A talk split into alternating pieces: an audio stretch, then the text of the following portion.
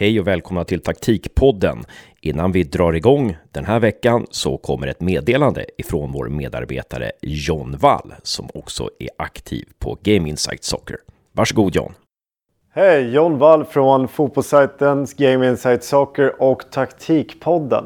Nu är det så här att den 2 november så kommer vi anordna en kurs för scouting och rekrytering. Och varför skulle man behöva gå på det? Jo, vi tror att i svensk fotboll kan man bli extremt mycket bättre på att scouta både externt och internt. Man kan bygga en bättre kultur av hur man blir bättre på att okej, okay, den här säsongen har vi tappat de här spelarna. Vad behöver vi ersätta dem med? Och vi tror också att man blir bättre på att ta hand om den talang som faktiskt finns i våra fotbollsdivisioner. Vill du bli bättre på det här så tycker jag du ska anmäla dig på gameinsightsoccer.com. Toppenbra föreläsare. Vi tror också att allt nätverkande under den här dagen kommer hjälpa dig på vägen.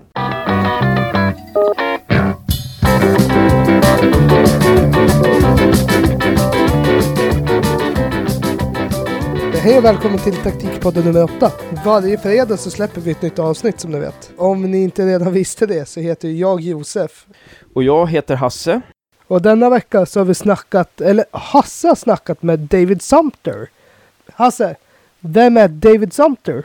David Sumter, han är analytiker, han är matematiker och han är författare av bestsellern Fotbollens matematik och han är även anställd av Hammarby IF som analytiker. Ja, alltså den här fotbollens matematik har sålt så bra så att han har ju alltså blivit nedbjuden till Barcelona och han är en analytiker som är på mångas läppar nu för tiden. Och kanske är han en av förklaringarna till Hammarbys otroliga framgångar den här hösten. David Samter berättar för Taktikpodden om varför Darjan Bojanic är allsvenskans bästa mittfältare och han berättar hur man rent praktiskt använder matematiska modeller för att scouta motståndare. Ja, han pratar om väldigt mycket mer förstås. Och det gör han i det här första avsnittet, men ni kommer även höra honom i avsnitt nummer två och tre som kommer de två kommande fredagarna. Och jag rekommenderar er alla att läsa Fotbollens matematik då. Varför det?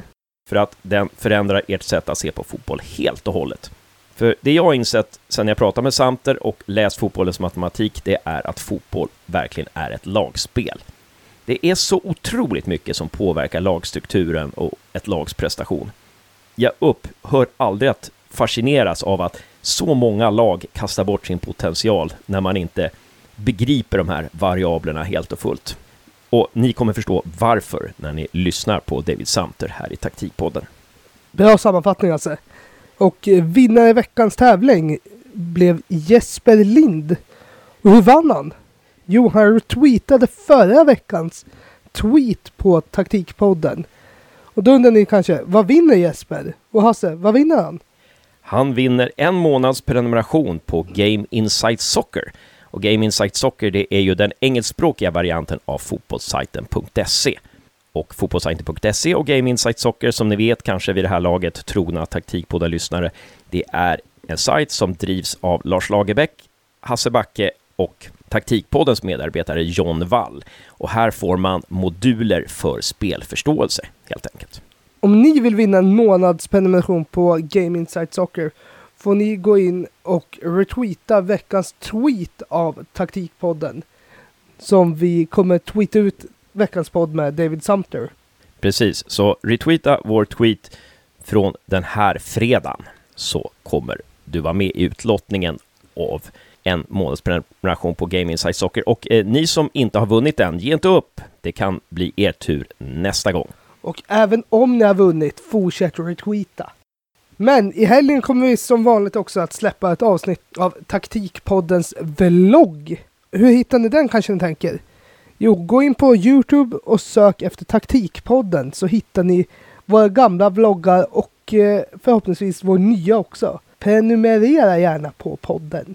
I vloggen så fördjupar ju då John Wall vissa taktiska diskussioner som vi haft i podden, men även lite nya grejer tar han upp från aktuella matcher och såna här saker. Så håll utkik. Men vad gör vi nu Hasse? Nu lägger vi åttan. Häng med!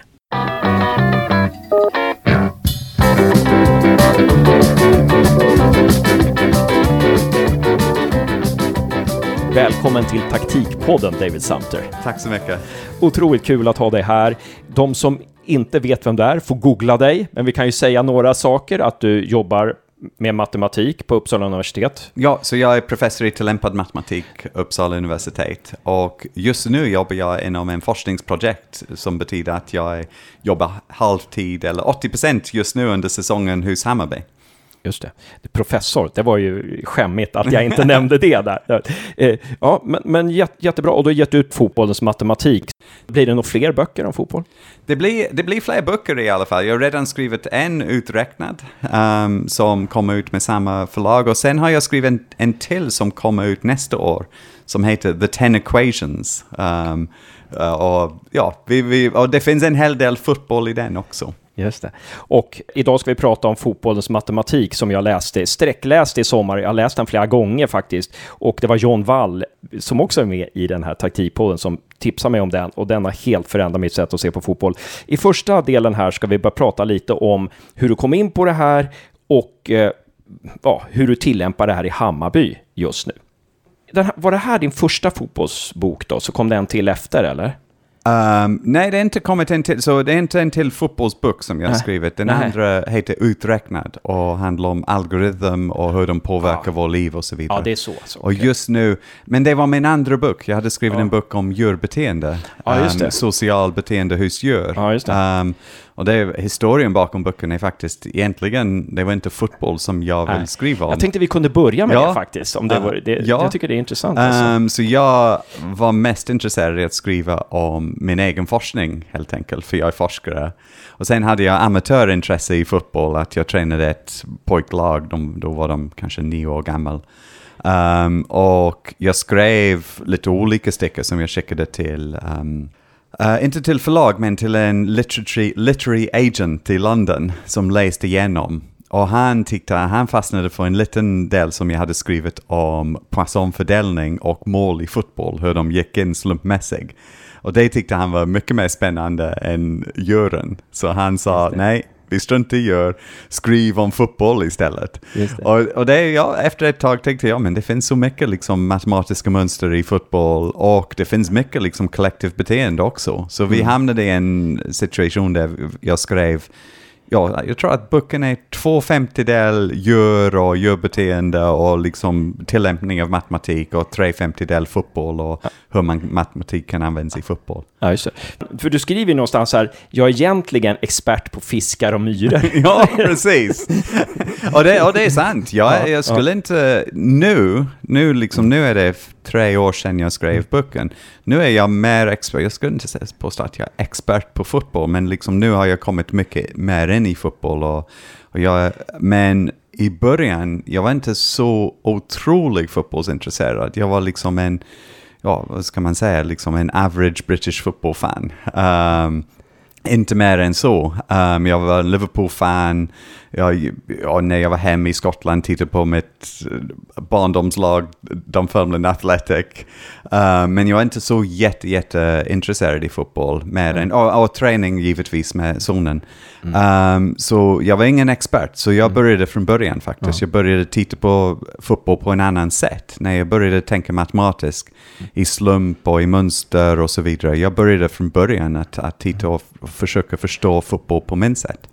Märkte du då Alltså när du började titta på, kunde du prata om de här sakerna som du hittade? Kunde du prata om det med de som kunde fotboll? Förstod de ditt sätt att jobba med algoritmer och mönster och, och rörelsescheman och sånt där? Det är en bra fråga. Ja, um, I början kanske inte. När jag, um, det, är, det, är så, det finns många nivåer på den frågan. Till exempel, jag, när jag tränade pojkarna då använde jag lite passningsnätverk, prata om triangel och matematik. Och då förstår de det, så de förstår um, eh, spelet på en annan sätt om jag pratar med på det sättet.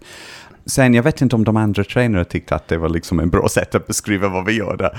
Um, men sen när man börjar träffa folk som jobbar inom fotboll, då det finns några som förstår den på det sättet och några som tycker att det är mindre viktigt. Um, men jag tror att ja, när man lär sig termer då, då börjar man förstå varandra. Så jag, jag kan ta ett exempel. Jag, jag tycker att, så till exempel nu att jag jobbar för Hammarby, så jag jobbar ehm, um, 50% där och um, ja, jag sitter och pratar med tränare. De förstår allting som jag gör. När jag visar upp liksom vår grafik, vårt sätt att följa spelarna, hur de kontrollerar yta och så vidare. De förstår direkt de saker som vi, de matematiska verktyg som vi gör som passningsnätverk och så vidare. Och de, så de har ingen problem med det alls. Så jag tror att det beror lite på vilken typ av tränare man har. Um, om man får den typen av förståelse. Just det. Ja, det är jätteintressant. Jag vet inte vilket spår vi ska ta här, men det här är ju mm. superintressant. För att du skriver, om jag ska citera dig, jag vet inte om jag citerar eller parafraserar mm. dig, men du säger på något ställe här, så när du i boken Fotbollens matematik då, som jag upp, uppmanar alla att köpa, så säger du säger någonting om att, just det, så här, med vis, det här är exakt citat ur den svenska, mm. sidan 176, så säger du, med visualiseringsverktyg och taktiska kartor eh, kan jag hjälpa lag att förbereda sig. Alltså att, du för, att lag kan förbereda sig inför eh, eh, ett visst motstånd mm. och sådär och kanske få eh, koll på hur de själva spelar. Så här. För det, det, det, tycker jag är bra. Alltså det, du sticker ut hakan lite där. Och mm. hur förbereder du ett lag då med så visualiseringsverktyg och så? Och först det som jag tycker är så intressant där är att när jag skrev den meningen, jag hade inte pratat med någon lag eller liksom då var det bara min egen forskning och jag tittade på datan. Jag hade mycket data och jag hade jobbat med den. Så jag hade inte provat den. Men nu um, gör vi det i Hammarby. Så um, vi har data, vi har två, det finns man kan säga att det finns tre olika typer av data i fotboll. Det finns de typiska statistik som vi alla pratar om, målgjorda, hörna, possession, så det är första nivån. Det är, egentligen är det inte så jätteintressant, den datan faktiskt, trots att det är det som lyftes upp i medien hela tiden. Sen finns det andra nivå och den är on the ball data, heter den. Och den är datan av varje passning, varje skott, Ehm, um, hur, vi, hur ett lag kontrollerar bollen och passar bollen och vem har bollen och så vidare. Sen finns det en tredje nivå och det är den mest detaljerade nivå och den är tracking data. Så det är varje spelare on and off the ball, uh, hur de rör sig.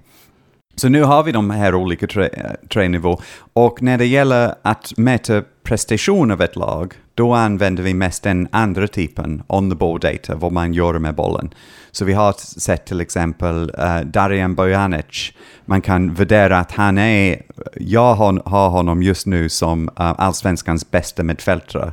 Han slår passningar som bryter linjer, som går framåt till spelarna um, på en sätt som det är ingen annan som gör just nu i allsvenskan. Så då, då kan man värdera hans prestation och så kan man liksom ranka alla spelare på den typen av statistik. Ja, och vad är det du ser i den statistiken? Vad är det du ser i det här rörelseschemat, i hans rörelseschema, som gör att du ser att han är så bra? Ja, så den är on the ball data, så det är andra nivå, så det är inte rörelse, det är, ja, mer, det är, rörelse. Det är mer okay. passningar. Mm, så, så när man tittar på de passningar som kommer fram och de kommer från mittfältet, ut till exempel till Simon Sandberg en del, sen kommer en till vänster till Dennis Wigren, sen kan han komma lite mer centralt till eh, uh, Mojo. Och alla de här passningarna som han får fram, vi sätter en värde till dem att eftersom de ökar chansen att vi kommer göra mål. Så en passning från mittfält till utanför straffområdet, den ökar vår chans att göra mål med kanske 4-5% och han gör dem gång efter gång efter gång under en match och ökar vår, vår chans att göra mål. Så man kan värdera honom på det sättet vi kommer in, det finns olika nivåer här, men det är liksom nivå hur man mäter prestation. Mm. Och det är mest um, det är kanske, Stefan Billborn är kanske lite mindre intresserad i den statistiken, för det är liksom en mätning både av Darian och hur, spe, hur laget spelar som ett, ett, um, ett lag. Så det är inte så, han vet att de spelar bra, så mm. han behöver inte att liksom ha någon statistik för att bevisa den. Men det är en väldigt värdefull statistik uh, både för styrelsen i Hammarby, det är väldigt värdefull statistik till exempel för Jesper Jansson um, som sitter där och kollar att allting funkar som det ska. Så, så det är den nivån, att hur man mäter prestation on the ball data är väldigt värdefull. Okay. När man kommer till den ursprungliga frågan, så det, i, i början du frågade om hur man ska presentera till tränare och laget, mm. hur det går. Då måste man komma ner och använda den tredje nivån av data, så off the ball data, rörelsen av alla spelarna. Och det är det som vi gör mest, så vi bygger upp ja, typ en taktisk karta. Vi um, kan se, eh, um, vi tar tracking data och sen kan vi bygga upp en karta, vem kommer komma först till bollen på olika situationer under matchen. Om bollen hade slumpmässigt kommit till en viss punkt, skulle vi komma först till bollen eller skulle motståndarlag komma till bollen? Då har man en karta över hur mycket yta vi kontrollerar under en match. Och det är precis det, det som är viktigt för tränaren och viktigt för spelarna att se. Så vi jobbar både med tränare innan, innan en match, vi tittar på både hur det gick för oss före matchen, vilken yta vi kontrollerade, vilken vi var mindre bra att kontrollera.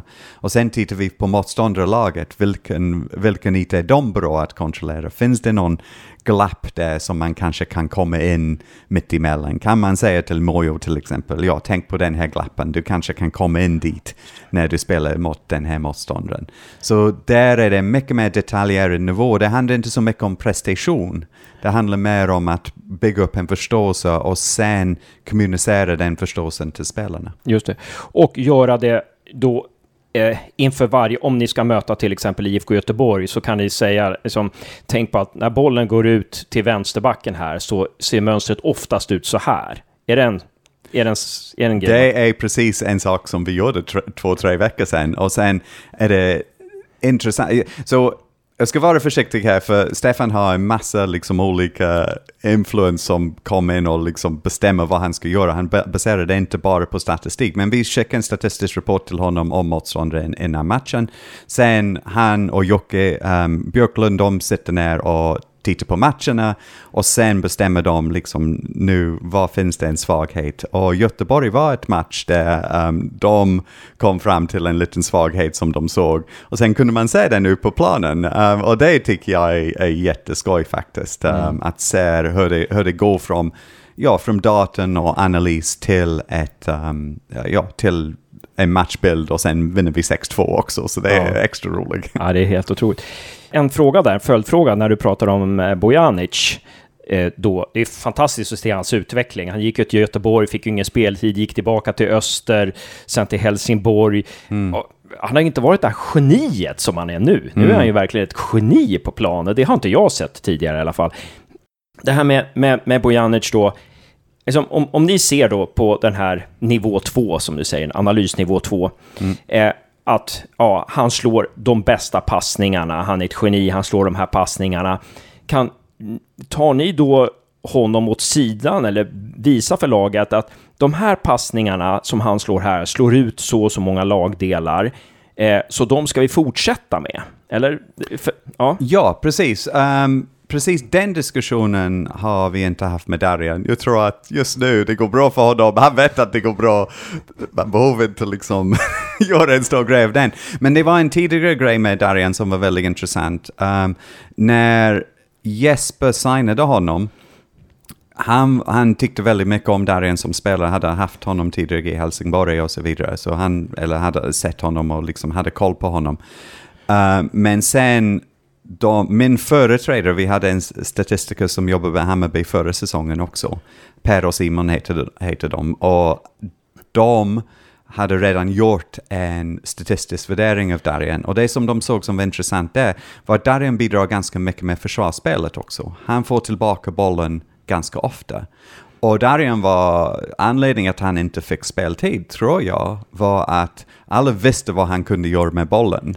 Men de tyckte att han var lite lat och inte rörde på sig. Han har en liten annan kropps...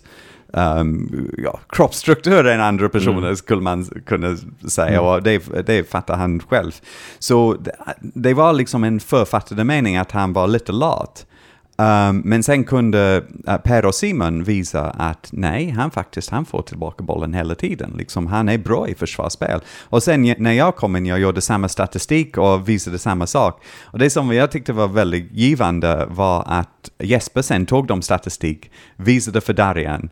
För, för Darian trodde det själv, han hade hört liksom i, under sex års tid, typ, ja men du är lite lat, fina bollar där än vi förstår, men liksom du måste jobba med försvarsspelet. Och sen kunde Jesper visa för honom att nej, men det här, du har bra försvarsspel, du försvarar bra, liksom du får tillbaka bollen. Du är inte en typ som jagar efter bollen och får tillbaka, men du är bra placerad så du får tillbaka bollen. Ja.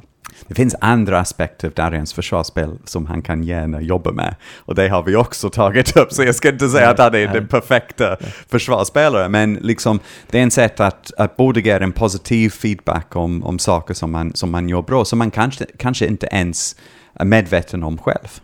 Just det. Ja, eh, jättes, jättespännande. Och där, där, måste man ju komma in i en...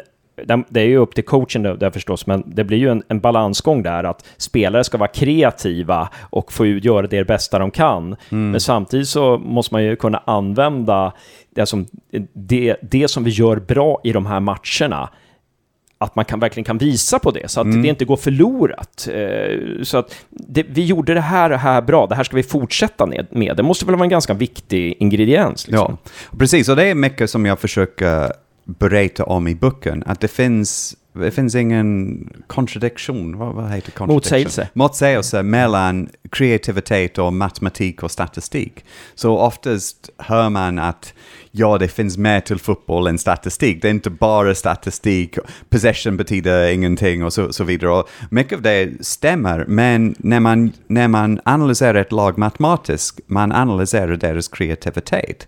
Så det är det som man ska försöka få, ja, kommunicera sen till spelarna, att vi har gjort den här matematiska analysen och den bevisar att du är väldigt kreativ och liksom du spelar på en kreativ sätt. Um, och det är mycket av det som jag, mycket av det som jag försöker beskriva i boken också. Den här relationen mellan, ja, det, det behöver inte vara en motsägelse mellan um, den vackra, underbara fotboll som vi alla älskar och att studera det på en matematisk sätt. Och det tyckte jag, ni kanske inte, de, kanske de flesta lyssnare är inte så intresserade i fågelflockar och, och så vidare, men det var samma sak när jag studerade fågelflockar och myror. Mm. Jag förstod att de var vackert och otroligt vackert att titta på och så vidare. Men det också fanns väldigt, och det blev ännu vackrare när man tittar på de enkla matematiska regler som är underliggande för, för dessa typer av system. Jättebra, och det tycker jag vi ska prata om i nästa intervju som vi gör. Eh, vi, hom, vi, jag glömmer inte bort det, utan vi, vi tar det. Den, mm. den vackra matematiken. Okay. Liksom. Ja, absolut. Eh, men, men, om vi bara eh, försöker wrappa upp den här då, mm. då eh, knyta ihop på sig med det här som du har pratat om, taktik och, och vad man kan göra och sådär.